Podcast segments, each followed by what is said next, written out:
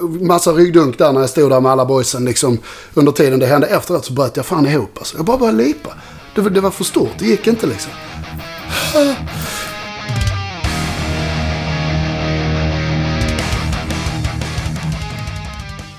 Du lyssnar på det 25 avsnittet av Rockpodden.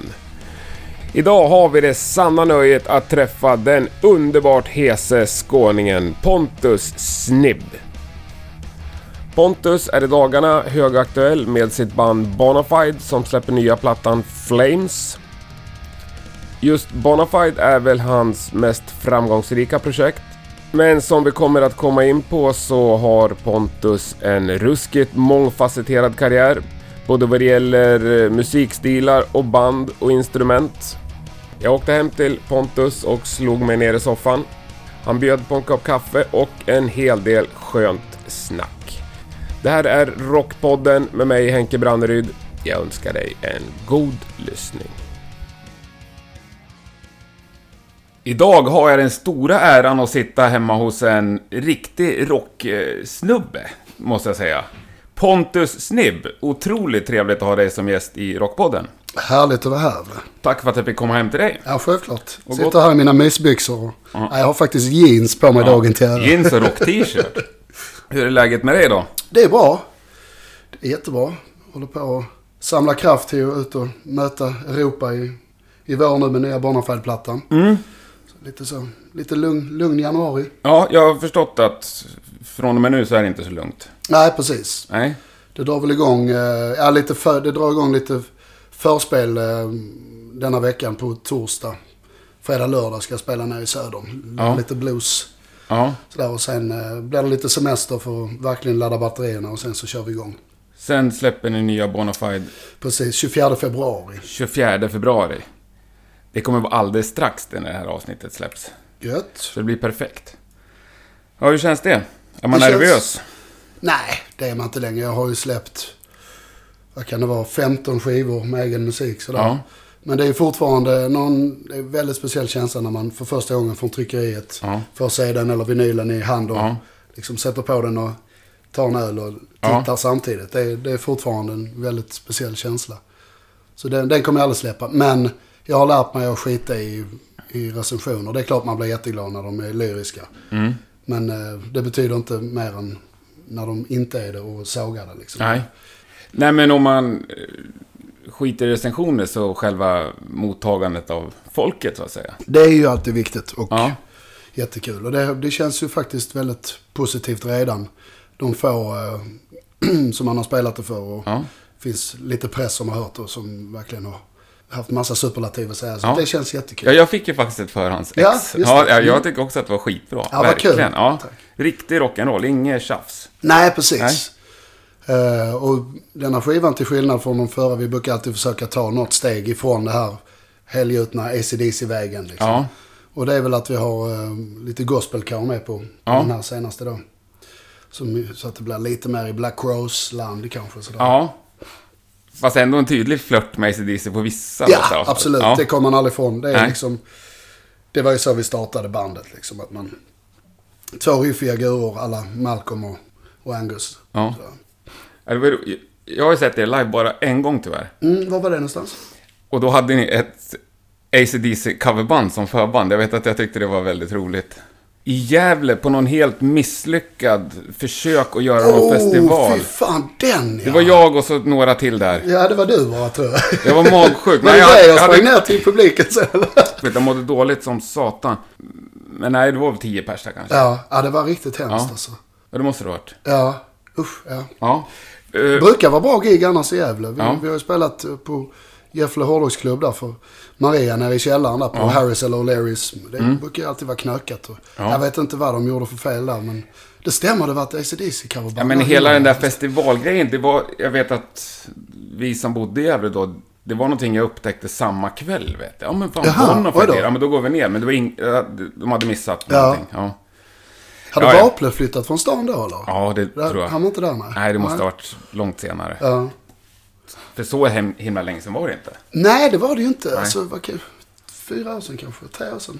Eller? Sex kanske, fem, sex. Time flies. Ja, ja, verkligen. Men du sa 15 plattor med egen musik, men det är ändå Bonafide som är det stora. Ja, det är det ju. Ja. Det är ju det vi turnerar mest med utomlands och sådär. Och får ju mest medial spridning med det. Mm. Eh, så det, får man, det är ju huvudbandet, absolut. Och jag tänkte på det just med publikens mottagande. Alltså den skivan som kom, vad heter den då? Uh, Denim Dirt- Devils. Nej, Dirtbound-skivan. Ja, Alltså, okej. det heter- Something's Dripping. Ja, Med Chips Kisby som producent. Exakt. Ja.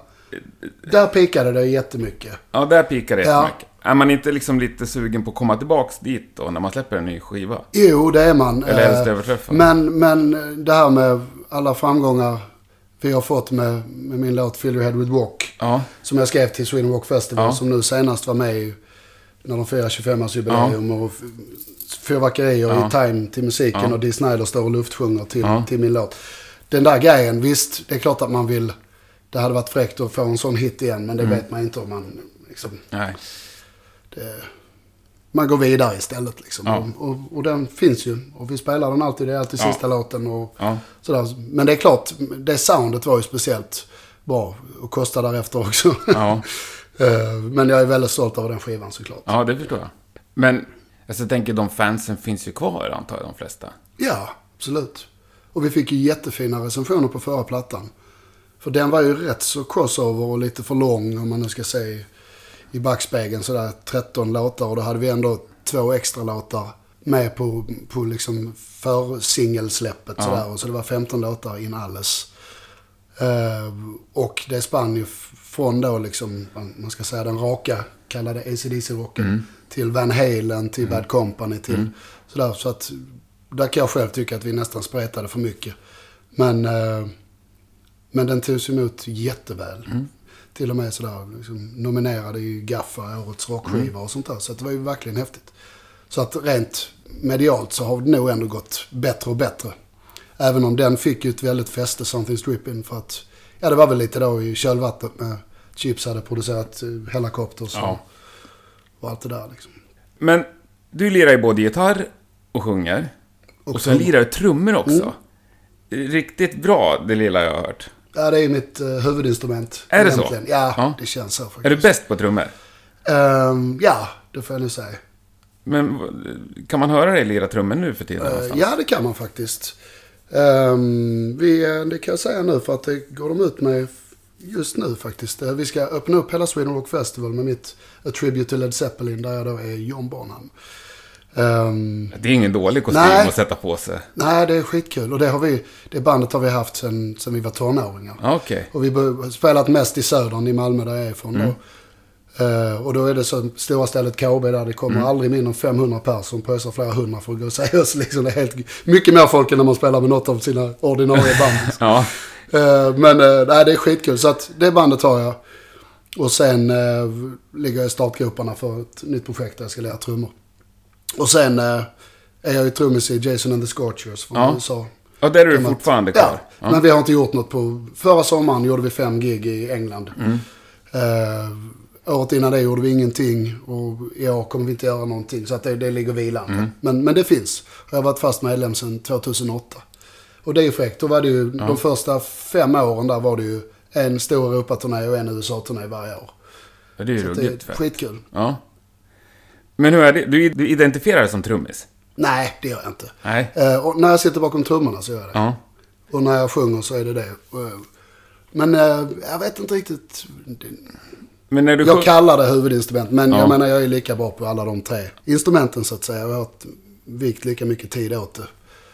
På något sätt så. Eh, Men det, jag gillar det där att jag älskar att fronta och, Mm. och sköta ett band liksom. Som man gör när man står längst fram och pratar med publiken. Mår ni bra?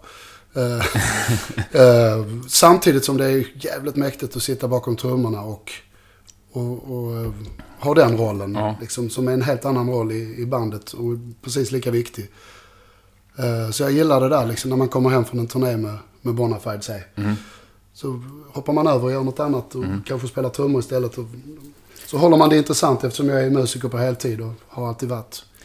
Men i studion så där, håller du på att fingra på trummorna då? Eller får trummisen sköta det så att säga? Eh, I Bonafide är det ju Niklas Mattsson som spelar. Ja.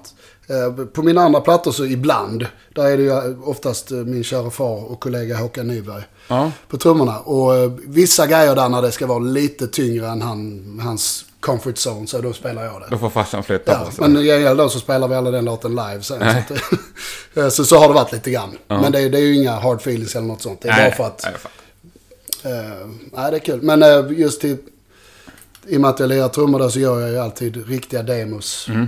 Allting färdigt och kör och eh, fejkar bas också. Mm. Liksom, sådär. Och det är kul för då får man höra, då kan man höra liksom hur en tänkt låt är produktionsmässigt. Mm. Man tar det liksom ett steg till. Så det är kul. Ja, underbart. Nej, men lite det här med eh, ACDC-grejen, vi ska inte fastna vid det. Men originalitet sådär och Bonafide, hur tänker man kring det? Eller skiter Eh, man i det?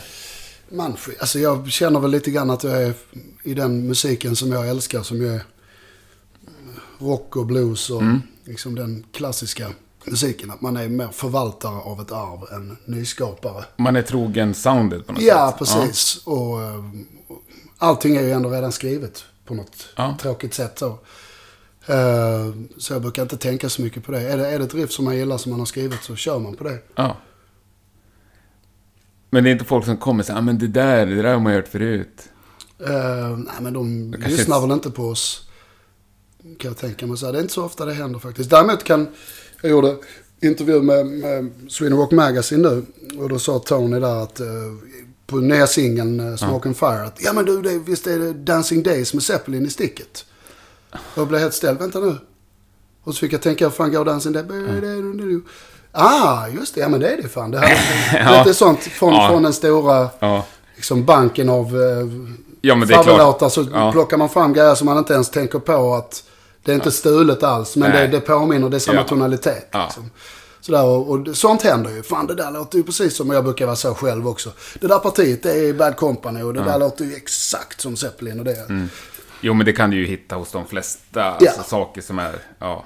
Och det är ju det som är kul. Om man lyssnar på Imperial State Electric till exempel. Ja. Mm. Så hittar man, där hittar man Beatles, där hittar man eh, liksom Jeff Beck, där hittar man... Jättekul. Ja, nej, jag, jag är inte alls liksom beroende av att det ska vara så originellt så när jag lyssnar. Är det bra så är det bra. Ja, Ja, vill man lyfta armen och ta en bira till då är det skitbra. ja. Ja, underbart. Ja. Men din andra projekt.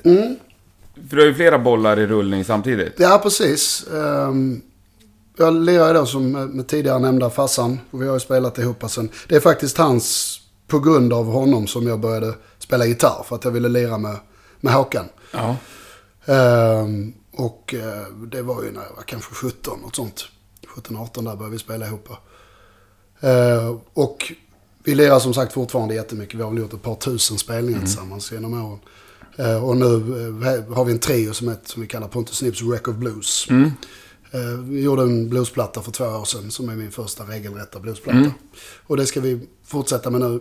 Och eh, spela in en ny skiva med det också. Som förhoppningsvis släpps under året. Och det är ju riktigt så här klassisk blues. Ja, Platta, fa fast eh, med mina mått mätt, det är mina låtar då, så det är ju lite Delta, lite, det går ju mot CC Top också. Och, och liksom, Ja.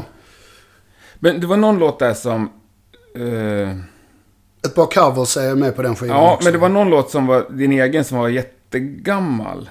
Eller som är... Ja, precis. Ja. Som är Eh, tänker skitbra. du, eh, I'm Walking kanske du tänker på. Den är ju, Ja, den tänker jag på. ja, det är faktiskt en jättegod story med den låten. Det var den första blueslåten jag skrev och den är med på den första skivan vi, vi släppte, eh, farsan och jag, och det var det under bandnamnet The Mescaleros 1998. Eh, men den, det var ju på den tiden innan, innan Spotify. Ja. De har inte gått upp där de skivorna, så den har jag spelat om. Den Ja. Eh, och den hade vi live i setet när vi turnerade eh, med eh, Charlie Musselwhite, amerikanska munspelslegenden. Och eh, han gillade den låten så mycket så han eh, frågade om han fick spela in den på sin egen platta som han spelade in i USA året efter. Vilket blev Blues Grammis nominerad, den skivan. Skitcoolt. övercoolt. Ja. Så att, eh, jo, den, den har hängt med.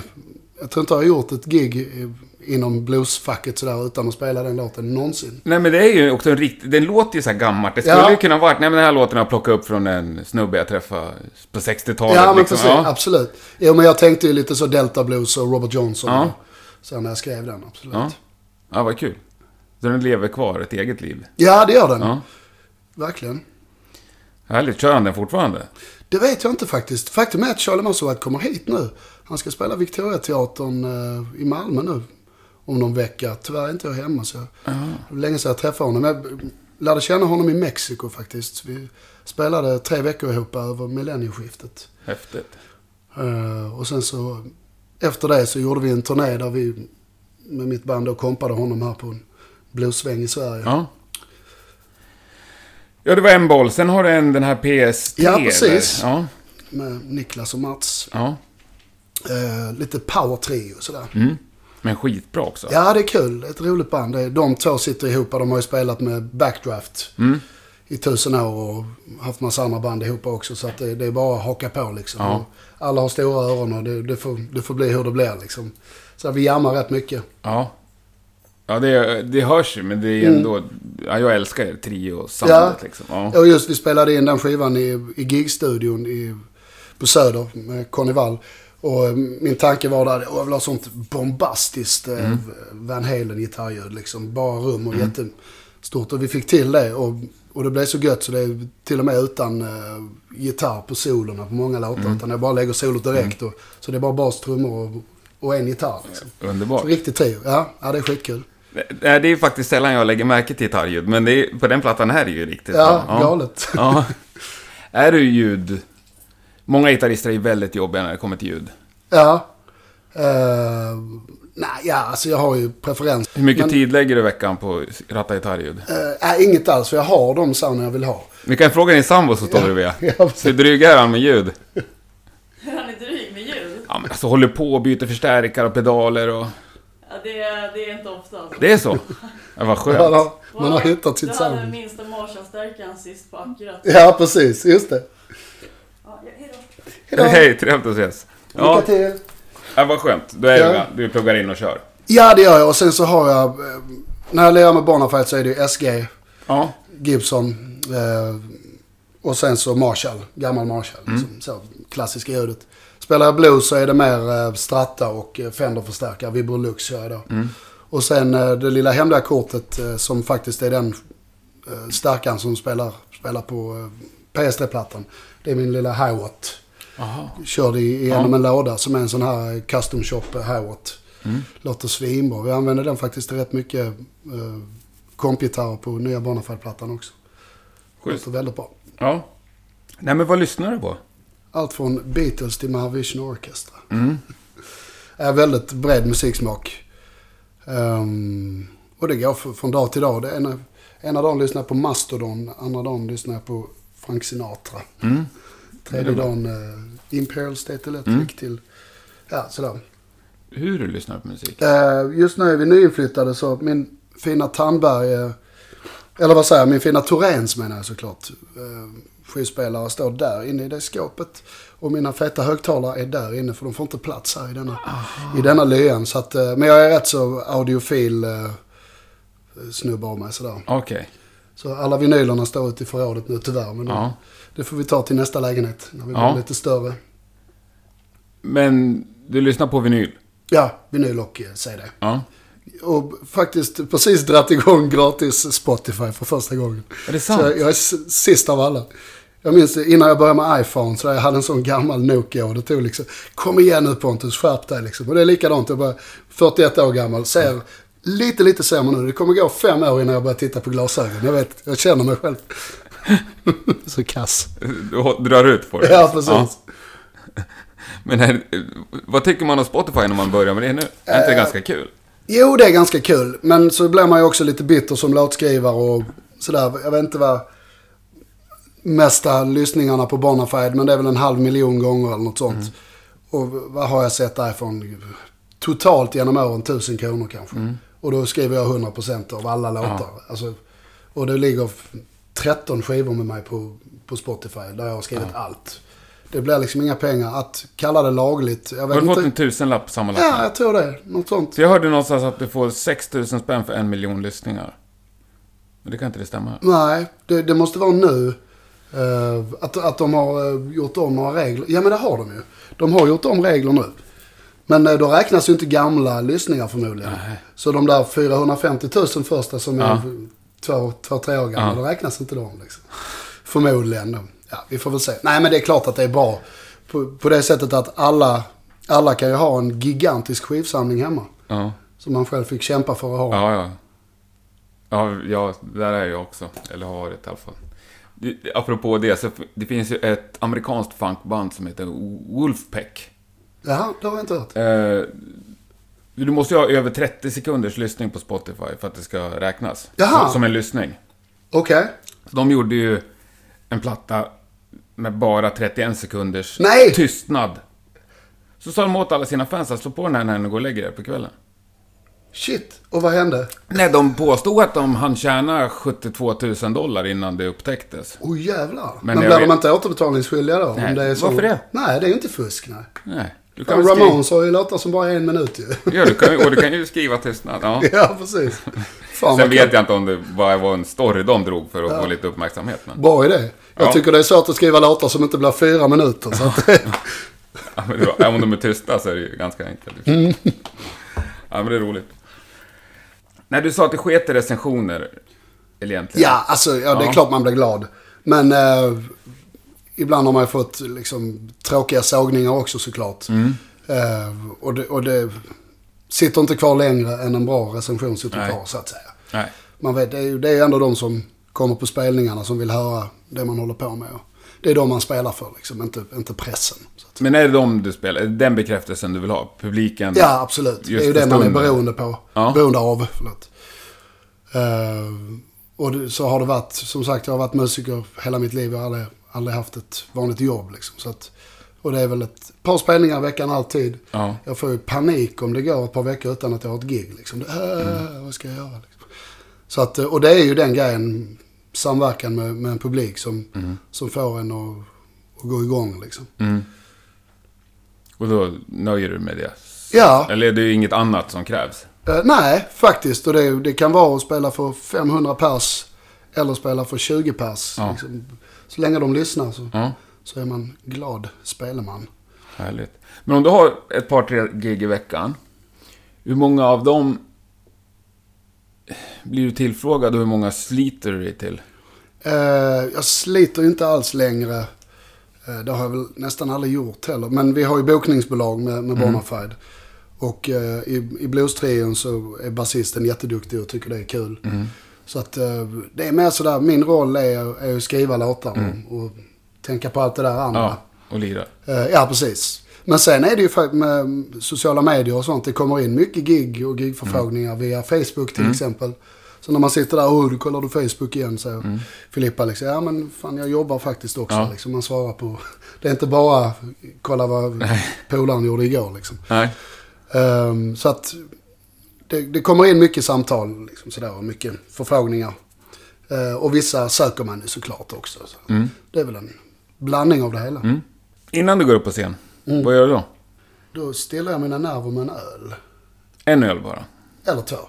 Nej, alltså, med Bonafide så brukar jag sjunga upp för att det ligger så jävla högt i sångregistret. Och vi börjar alltid med en pang på rödbetan-låt liksom. Där man måste vara Ja. 100% redan från början. Så att eh, då sjunger jag upp. Eh, Jag brukar aldrig spela upp med gitarr och sådär. Eh, Ska vi göra Zeppelin-gig som också börjar pang på Immigrant Song till exempel. Brukar vi börja med. Då gäller det att vara uppvärmd. Så då sitter jag med stockarna lite som alla tråkiga trummisar i, ja. i, i logen. Men annars så, nej, inga ritualer, inget sånt. Stå i en ring och Nej. hålla på. Det. Förhoppningsvis så är det en good vibe om man sitter och skrattar lite och har det gött innan och Mm. får en positiv energi och sen går man ut och lirar. Men har du något annat du vill ha i logen än ett par öl? Eh, ja, det beror på vilket band det är. Sådär med, I i blueskretsarna och sådär så är det ju inte så mycket rider Nej, på det nej. sättet. Men, eh, man, men kan väl, man kan väl, med Bonafide så, ja men vi har en flaska sprit och, och två vinare och en back öl och juice. För att jag och Niklas gillar eh, screwdrivers. Det är bra för magen. Ja. Och lite vitaminer som Lemmy sa. Eh, och så bara frukt. Inget godis för då kan vi inte sluta äta godis. Liksom. Så, så det är mer sådär vad man med åren plockar bort faktiskt. Och inga chips och sånt där. Och eh, om det går så rätt så nyttig mat liksom. Inte Ja. hamburgertallrik och Nej. så. Men annars så är nej, vi är ganska enkla där. Fan, hälsoresa. Nästan. Är du nervös någonsin? Ja, alltid. Alltid? Ja. Eller inte alltid. Och det är inte så att det märks. Liksom. Men, men eh, som sagt, ett par bira där så, så bara coolar man ner det lite grann. Så. Det, det är klart, eh, när man går upp och gör de stora scenerna på Sweden Rock så är det ju mer nerver än när man ställer sig på Stampen i Gamla stan såklart. Där finns väl inga nerver längre på sådana små klubbgig. Men just de stora giggen med Bonafide och festivalspelningar, då är det ju... Men det är mer adrenalin på något sätt. Man, och den bygger ju upp till att man verkligen är på hugget och 100% när man börjar. Så det är mer positivt faktiskt. Ja. Det är inget som du mår dåligt av? Nej, nej, inte alls. Nej. Ser du dig som en rockstjärna? Nej. Har du aldrig gjort det? Nej, det tycker jag inte. Eh, jag vet inte det. Är folk rockstjärnor? Men, eh, nej, tycker jag inte. Men eh, jag, jag kan äga en scen på ett bra sätt som en rockstjärna. Mm. Tycker jag. Sådär när vi spelar med Bonafide. Och där är liksom inga konstigheter sådär. Nej men alla är ju alla är vanliga människor på något sätt. Jag tycker det är viktigt att hålla fötterna på jorden och Mm. inte liksom bli bobbig. Men finns det inga andra du ser som rockstjärnor? Jo, det är väl klart. Det är många. Det är, eh, vissa man ser som kommer ut på en scen och som Mm. bara liksom... Ibland sån här, eh, Robert Plant är ju en sån. Ja. Till exempel. Jag har sett honom några gånger live nu. Ja, jag såg ju Zeppelin då i O2-arenan också. Fick biljett till det. Mm. Ehm, det är ju magiskt alltså. Och ännu mer med Jimmy Page. Då, Ja. liksom. och, och samma med Lemmy när han kom ut. Och, Mm. Så jo, det är klart det finns ohyggliga rockstjärnor. Men har du träffat på de människorna privat? Eller? Ja, jag har träffat eh, Brian Johnson har jag träffat och, och hängt med Billy Gibbons. Vi var förband till honom, eller till ZZ Top. Ja. Massa år sedan. Grymt trevlig. Ja, Jag har träffat rätt många av mina hjältar sådär faktiskt. Och de eh, alla har varit trevliga. Så jag, jag har inget sånt, det där att oh, man ska hålla sig ifrån sina gudar Nej. för att de, de är alltid svin. Nej. Jag har lyckats så... Men du är cool också när du träffar dem, eller? Ja, det är jag. Ja. ja. Och ber aldrig om autograf och ta bild och sånt. Jag, Nej. det, liksom, ska jag ha det på väggen sen? Nej, jag är mycket skönare att ha minnet kvar av det. Ja. Liksom. Så det var, just den gången när jag träffade Brian Johnson, det var galet. Hans fru, eh, Brenda, som är ackrediteringsansvarig för, för bandet. Mm. Eh, Detta var på Black Ice-turnén. Hon, via en kompis till dem eh, i Sarasota där de bor. Mm. En kille från, som heter Thomas från Ängelholm som känner dem, som brukar vara på barbecue parties och sånt. Okej. Och han, spelar, han älskar Bonafide, så han spelade upp det för, Ja.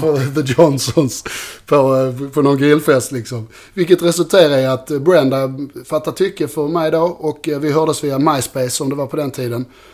Och det slutade med att eh, hon tog in mig backstage. Liksom. Jag som enda. Thomas Johansson gick precis ut. Ja. För att han var ju huvudbokaren Ja, ja, ja, så han måste ju hälsa på. Han var den enda som var där. Jag kommer in eh, och alla liksom, kanonerna backas och alla går ut och de håller på att städa undan Ullevi. Liksom, Ja. där går jag med Brenda Johnson liksom, in mot, mot logerna. Så stannar jag utanför dörren. Hon säger liksom, wait here I'm gonna check if the guys are cool. Ja. Så försvinner hon in, jag står där med en bira sådär, och har med mixarna från eh, Something's Dripping då. Ja. Som precis skulle släppas, som jag skulle ja. ge till, till Brian. Eh, står där och väntar liksom. Efter tio minuter kommer hon ut. Alltså de är inte på hugget idag. Alltså, de, förmodligen järnbröderna är jävligt osociala människor, jag har Ja. man förstått. Eh, ah, fan, jag vill att du ska träffa dem. Ah, ge mig ett försök, det väntar lite till Pontus. Så, ja visst, jag står där och dricker min öl och det är bara fräckt att vara Ja, där ja, liksom, ja, så ja. nära. Ja. En A4-skylt liksom, ACDC, do not enter, så handskriven, inget Mm. fancy alls liksom. Och eh, efter tio minuter till kommer hon ut med Brian, sin man. Då har det väl gått till så förmodligen att kom igen nu, han är Ja. jättenice, kan Ja. inte bara säga hej liksom? Ja. Nej, vi vill inte liksom. Så hon tar sin man i örat, nu får du fan i alla fall gå ut och hälsa. Och han är king, kommer ut liksom en pint och, och vi hänger en kvart och pratar liksom helt normalt. Han är exakt så som han är på scenen eller i intervjuer. Är. Han är verkligen sig själv. På tal om att vara ödmjuk rockstjärna. Liksom. Så eh, det var något jag aldrig glömmer. Alltså, fy fan, och gick därifrån och då var hela Ullevi tomt, Mm. närsläckt. Liksom, och, de, och jag hann säga hej till bandet from afar så Ja. när de lämnade liksom. Oh, sorry mate, gotta go, gotta go. Eh, och då när jag går ut från Ullevi liksom, och det är helt närsläckt. Du vet, jag fick pincha mig själv. Hände detta precis nu? Så var man lite så Ja, salongsberusad ja, ja. så efter fem öl under giget. Liksom. Ah, detta är inte klokt. Liksom. Underbart. ja, fy fan. Ja, men det, det, jag hade tänkt fråga dig om du vet om de har hört det, men det har de alltså lyssnat på det? Ja, Ja. Brian i alla fall. ja. Du har inga rapporter om det? nej, men däremot så Brenda gillar ju det som fan och hon eh, pratar ju om eh, att göra en festival i Sarasota där hon skulle flyga över oss. Men det rann, rann, rann Jaha. ut i sanden.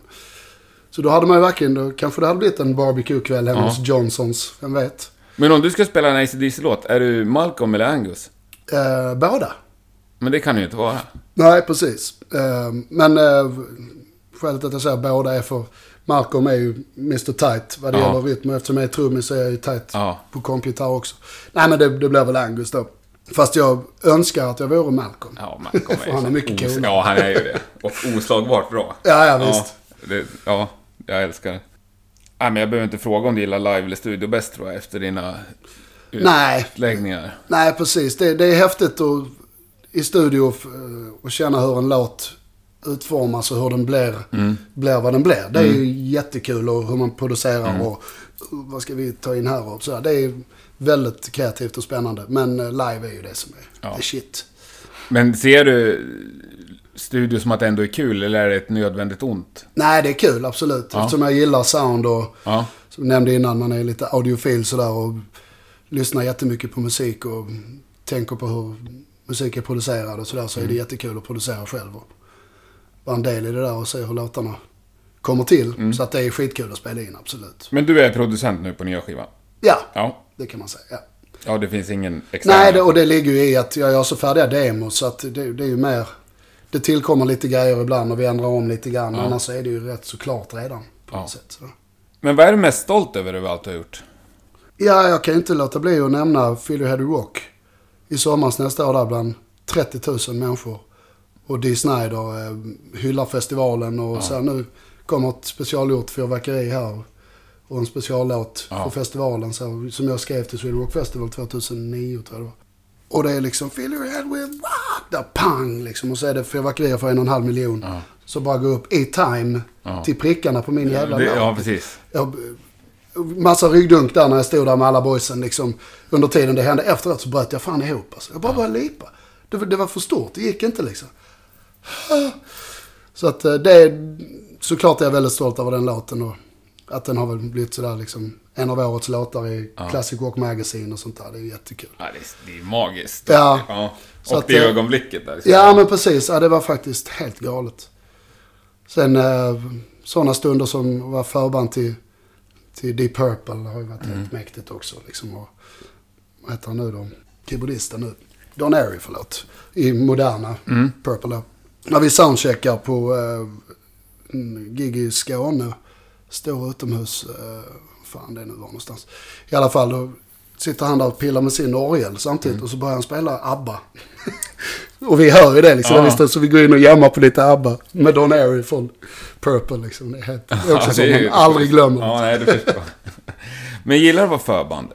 Ja, absolut. Om det är till, till ett stort band liksom, så man får möta ny publik. Ja. Vi gjorde en sväng nu som var jättebra med Bonafide där vi var förband till, eh, till Airborne. Mm. Är goda vänner till oss. Eh, och det var ju skitfräckt. Ja. Men det är väldigt passande musikaliskt. Ja, det är det ju. Ja. Man kan väl nästan säga att det är för passande. Vi brukar ju, när vi väljer förband till våra svängar, så, så vill man ju inte ha något som låter riffrock alla kanske Nej, AC/DC, ni vill inte ha ett att det- AC/DC coverband? Nej, precis. Eh, Så att det är ju lite sådär, det kanske är för passande. Men för oss är, var det ju jättebra, för den publiken gillar ju den typen av musik. Mm.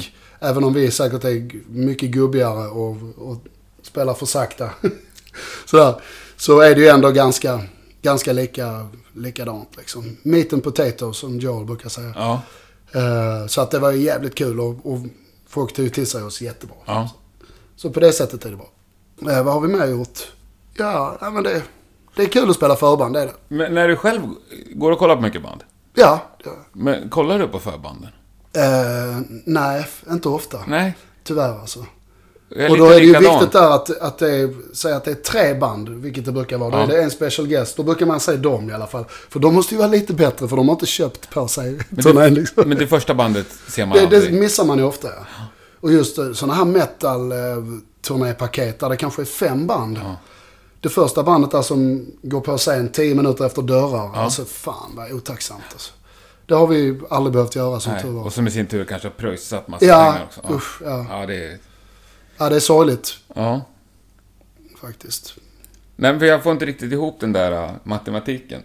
För du säger själv att du gillar att vara förband, men du ser aldrig förbandet. Nej, nej precis. Fast å andra sidan, jag menar när jag har varit och kollat på Airborne med andra förband så har jag ju sett dem. För man vet att det- är ju ett riktigt band. Alltså de tar inte med något skitband. Nej. Det, kollar man på någonting på uh, Debase och Slussen så kan det vara vad för något som helst. Ja. Som, som är förband. Ja. Som bara, oh kan inte vi få spela? Jo, det kanske inte är så intressant. Men eh, till de större banden så är det ju, är det ju liksom eh, ofta väldigt bra förband. Mm. Så man kan hitta nya, nya band att lyssna på. Men förutom Brian Johnson, har, har ni några fans till Bonafide som, du, som sticker ut? Ja, det får man väl säga. En av mina personligen största, han gillar, älskar allt jag gör. Det är ju gitarristen i YNT.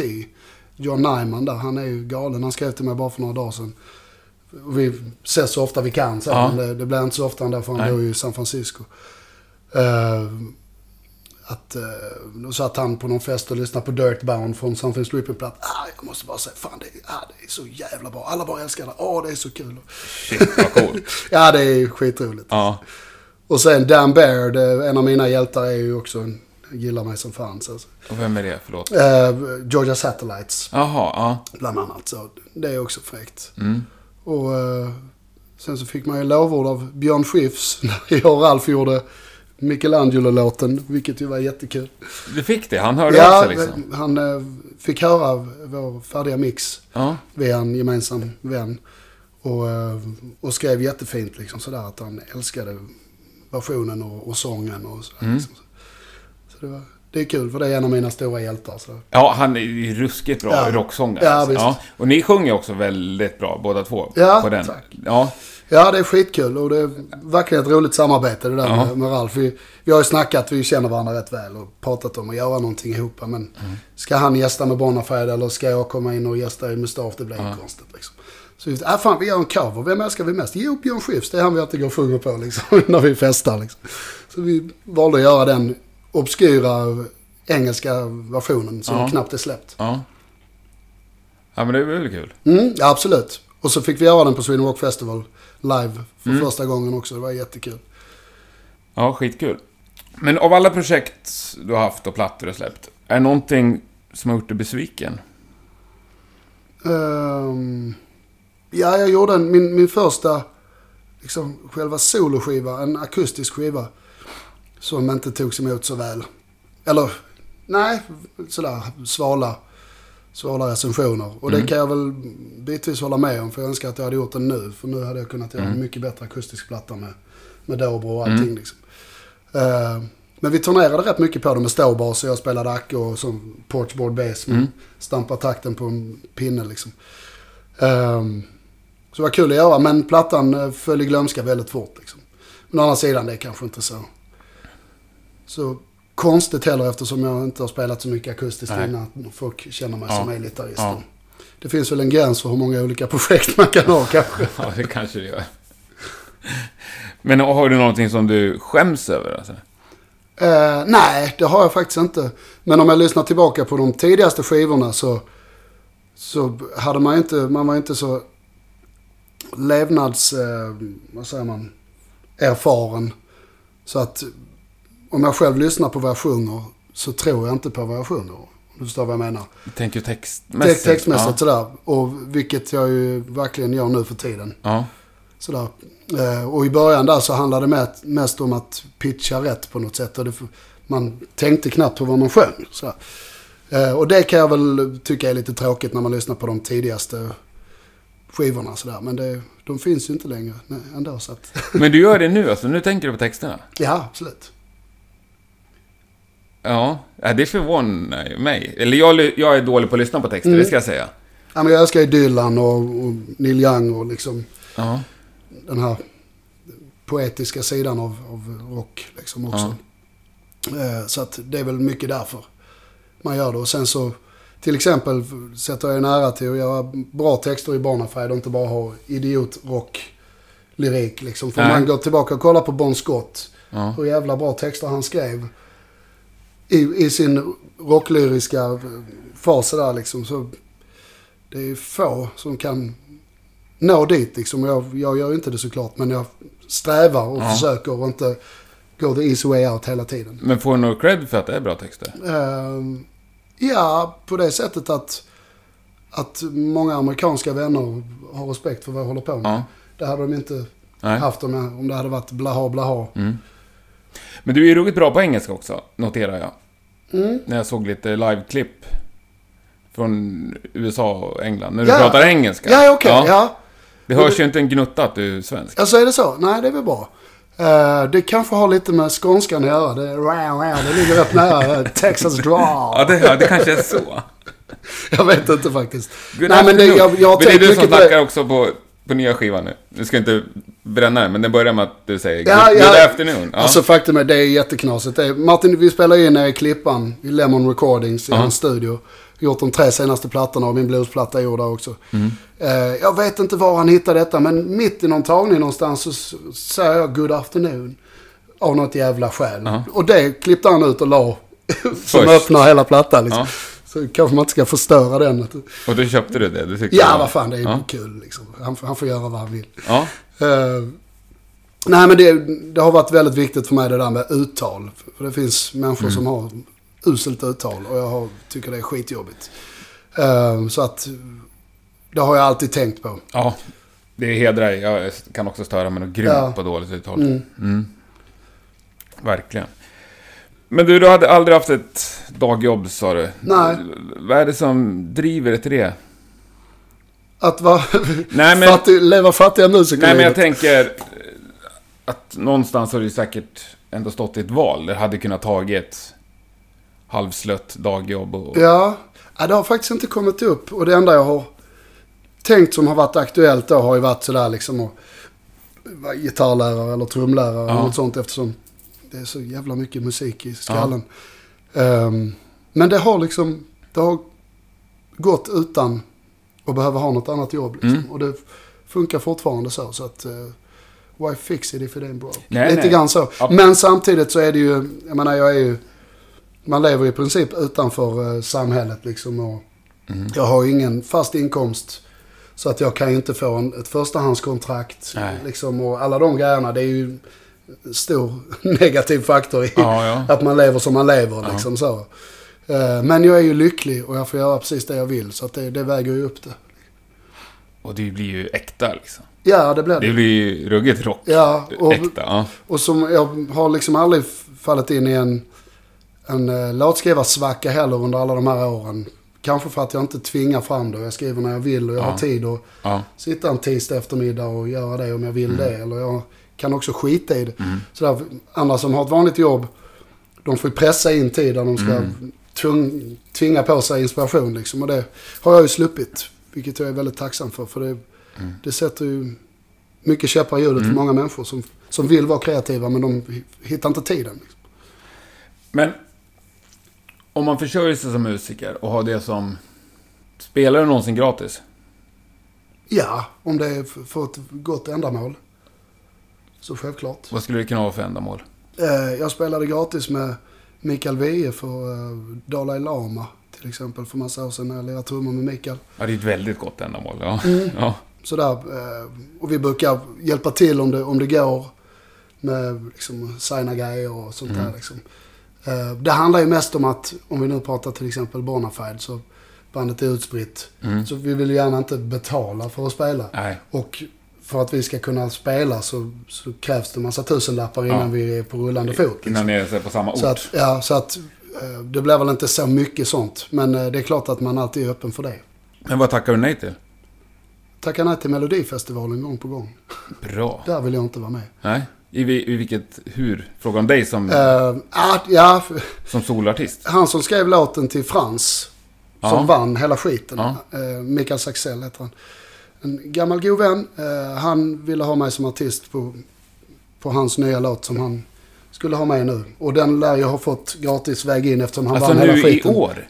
Ja, Oj. men jag tackade nej. Han blev jättebesviken. Och sen så har det varit en annan duett jag har gjort som också skulle få lite så gräddfil in. Mm. Som jag också satte käppar i hjulet för. Nej, jag känner inte det. För det första tävlar man inte i musik på det sättet tycker jag. Och det där är så, precis som jag nu säger. Det, det är bara fulvägar in och här sitter de aspirerande låtskrivarna. Kämpar, skickar in sina bidrag varje år, hela tiden. De har inte en chans. Nej. För eh, det finns en människa som bestämmer där helt enkelt. Så Ja. behöver vi inte säga mer än så. Nej, nej. Jag, jag stödjer inte det. Men hur länge funderade du innan du sa nej? Eh, på, på den första grejen här, den här duetten. Så eh, tog jag några dagar faktiskt och pratade med Filippa, min tjej och sådär. Hon tyckte jag skulle göra det. Och, och jag bara, nej jag kan inte bli Mellopontus med, med landet liksom. Nej. Det går inte. Och den andra förfrågan då nu, ganska nyligen, var, det var ju direkt nej. För att jag, nej jag vill inte helt Nej. Men har du något annat du tackar nej till? Ehm, Får du frågor från band och så? Ja, inte, inte så mycket faktiskt. Men det, det är folk eh, känner väl att jag är så upptagen så jag inte har tid. Nej. Vilket ju faktiskt är sant. Men jag hade ju gärna varit, eh, hoppat på något, eh, om, om tid hade funnits, något, något bra rockband och lira trummor. Liksom. Det hade ju varit Ja. skitkul. Ehm, nej, jag vet inte. Tacka nej till... I och med att jag alltid har spelat så mycket egna låtar så har jag inte mer än vad det gäller liksom klassiska covers. Sådär, så, ja, Fortunate Son med Creedence, ja du vet sådär, Highway to Hell. Man har lite sådana standarddängor. Men jag har inte så att det fyller ett helt set. Så tyvärr eh, har jag tackat nej till lite sådana covergigs som kunde varit roliga att göra faktiskt. För att det är bra boys som Ja, spelar med. ja. Men det blir för mycket jobb om jag ska sitta och öva in Heavens on Fire. Liksom. Även om Ja. det kunde varit kul att spela just med de människorna. Liksom, så så, så att, sådana grejer tackar jag nej till. Mest för att jag inte kan. Ja, jag fattar. Men... Nej, jag tänker mest som... För inget illa om gitarr och trumspel, men det finns ändå ruskigt mycket duktiga musiker. Men Gud, din ja. röst är så unik på något sätt. Jag tänker Ja. att folk borde höra av sig. Jo men det, det gör de ju absolut. Det, det har ju varit mycket sånt nu. Jag har gjort, förra året var ju mitt duettår kan man säga. Mm. Pilot uh, Janin eh, gjorde en grej med och ett engelskt band som heter Screaming Eagles. Gjorde en duett med dem och uh, Varox, ett Skåneband. Så där, då är det ju för att de vill ha min voice. Mm. Och sen så var jag tvungen att tacka nej till en grej nu. Som var spännande, rätt stor pryl sådär. Men det, det kändes inte riktigt rätt just nu för att jag har fyllt Mm. den kvoten. Eh, men nej, men så- sådana förfrågan kommer Mm. ju. Ja, jag, jag tycker just att det sjunger så högt i pitch och sen att det ändå är hest där Ja. uppe, det känns ganska unikt. Utan Ja, det är det kanske. på det. Ja, jag Jag, har det är någon jävla tur där alltså. För att jag har aldrig problem med rösten. Nej. Alltså så här låter jag. Så här är jag hela dagarna. Ja. Jag skulle kunna gå upp och sjunga direkt Ja. ändå. Så att det är någon sån här Rod Stewartsk fel på mina stämband fast de håller för evigt. Alltså, Ja. Jag kan göra 14 gig på 14 dagar, vilket jag ska göra i England nu. Jag vet att det kommer funka. Jag kommer, vissa av de dagarna när jag vaknar så kommer jag inte ha någon röst. Men Nej. på kvällen så är det där igen. Utan att det blir liksom knutor på stämbanden och sådär. Jag vet fan vad det är.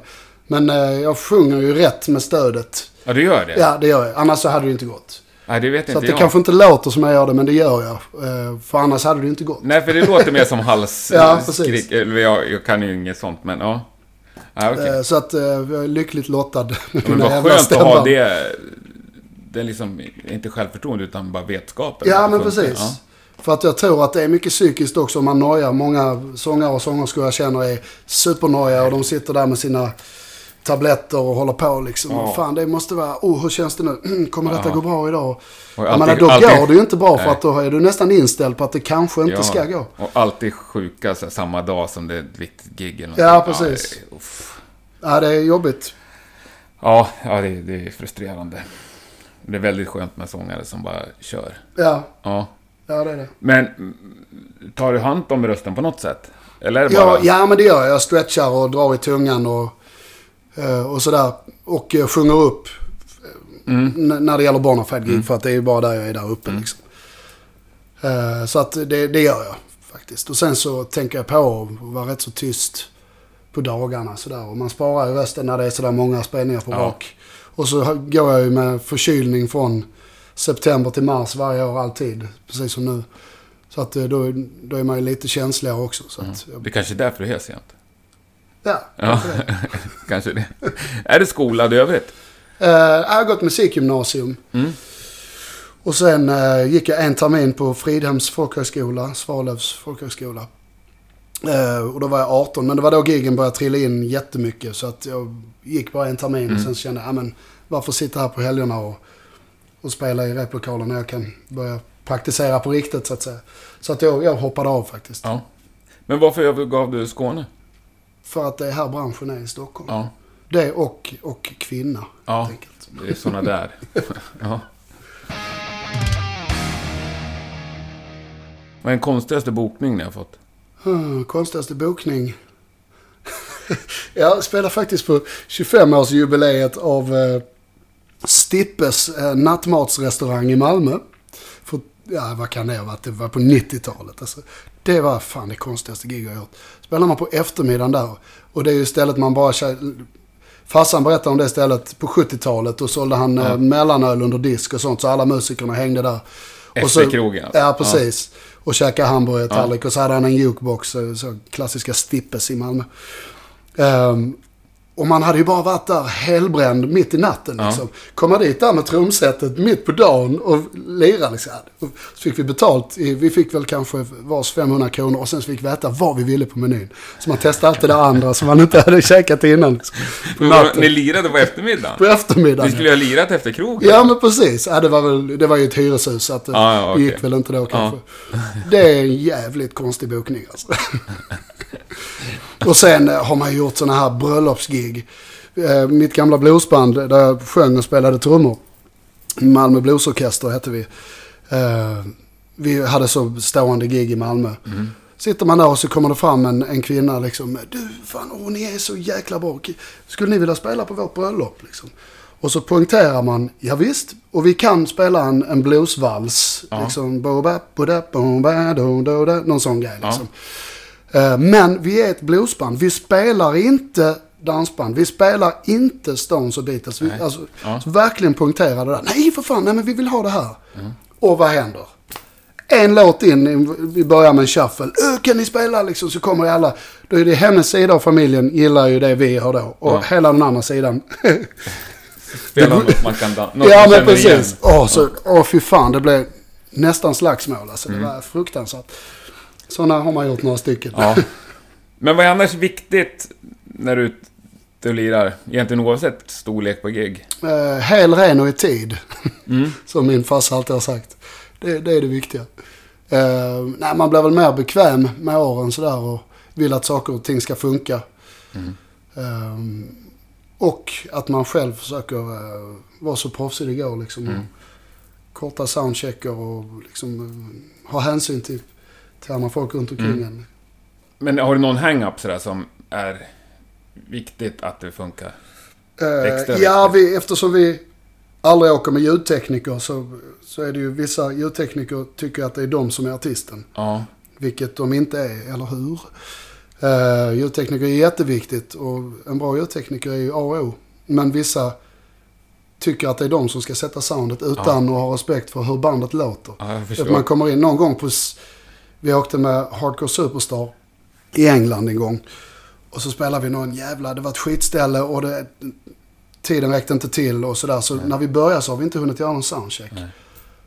Och det första jag säger i micken, då är det liksom ett Christer Sjögren dansbandsreverb. Och jag bara, du vet, för hela dagen hade gått snett. Ja. Och jag klarade till en viss punkt, sen så blev jag aggro liksom. Jag bara började skrika åt ljudteknikern mitt på scenen liksom. Så kanske inte mitt stoltaste ögonblick. Men, men det, det försvann jävligt fort det där reverbet. Mm. Ja men sådana grejer. Hur, det kan vara väldigt frustrerande. Eh, för vi är så proffsiga själv och har, Ja. på scenen har vi, det är precis som i replokalen. Vi spelar live utifrån de akustiska trummorna. Mm. Som man gör, för att då, då finns det en balans. Han ska egentligen bara kunna upp med alla reglerna så låter det grundbra. Mm. Det, är, det är vår tes liksom så. Och när de då kryddar till det så, så blir man lite förbannad. Men vore det inte enklare att ha med sig en ljudtekniker? Jo, men då, då ska man tjäna mycket mer pengar än vi tyvärr gör. Ja. Det är, det är så, teknikerna har ju ingen vinning i bandet så de måste ju ha fullt betalt. Ja. Vi kan ju åka på en win or lose-turné nästan Ja. för att bredda vårt namn. Ja. Eh, Men tar man med en tekniker så ska de ju ha sitt, sitt gage ändå liksom. Och det kanske inte Nej, det är svårt. Nej, precis. Då ska nästan finns bli... eh, flygbiljettspengar till det och, och så vidare. Men det är klart att det är en dröm. Ja. Eh, nu får vi prioritera att ha med någon som hjälper oss med grejerna och hjälper med merchen och, Mm. och sådär. Som man inte kan göra själv. Mm. Härligt. Ja, men hur ser framtiden ut? Ni har... Ja, en vi Englands- släpper precis. Eh, Englands turné, 14 gig på 14 dagar. Vår första engelska nightliner-turné, skitskönt. Där vi har två band med. Eh, ett svenskt band som heter Killer Bee som öppningsband och ett australiskt eh, tjejband som heter Tequila Mockingbird som special guests. Så ska vi ha 14 gig på 14 dagar. Och sen eh, gör vi Sverige. Eh, och då har vi ett eh, amerikanskt band som special guests som heter Warner Drive. Eh, Och då gör vi alla helgerna i april. Mm. Och sen är det Spanien i maj. Och sen eh, förhoppningsvis massa festivaler till sommaren. Och så plattan innan dess. Mm.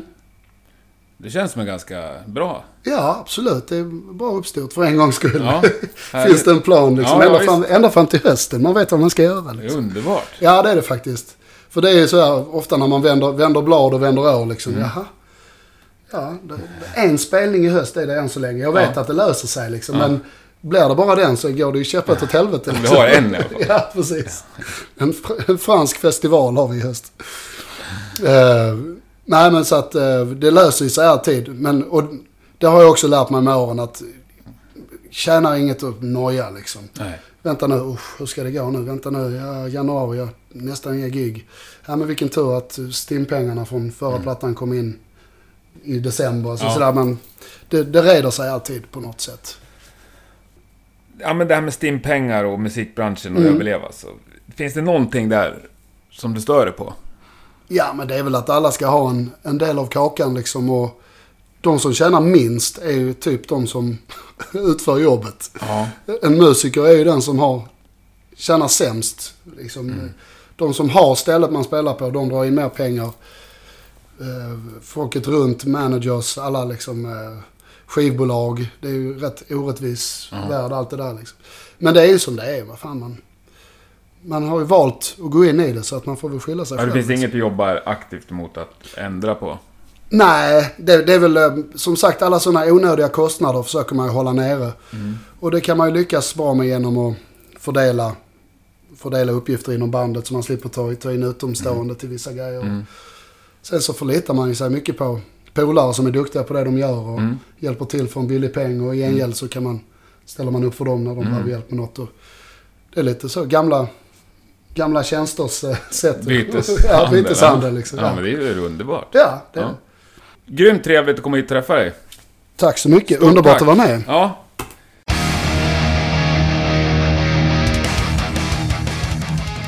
Där sätter vi punkt för veckans avsnitt av Rockpodden. Stort tack för att du har lyssnat. Följ gärna Rockpodden på Facebook, Instagram eller Twitter. Vi uppskattar all typ av feedback ifrån dig som lyssnar. Nästa vecka är vi tillbaks med ett nytt spännande avsnitt. Lyssna gärna då. Tack och hej. Jag har kört en, en liten present så här. Den här är från Oj. förra gästen.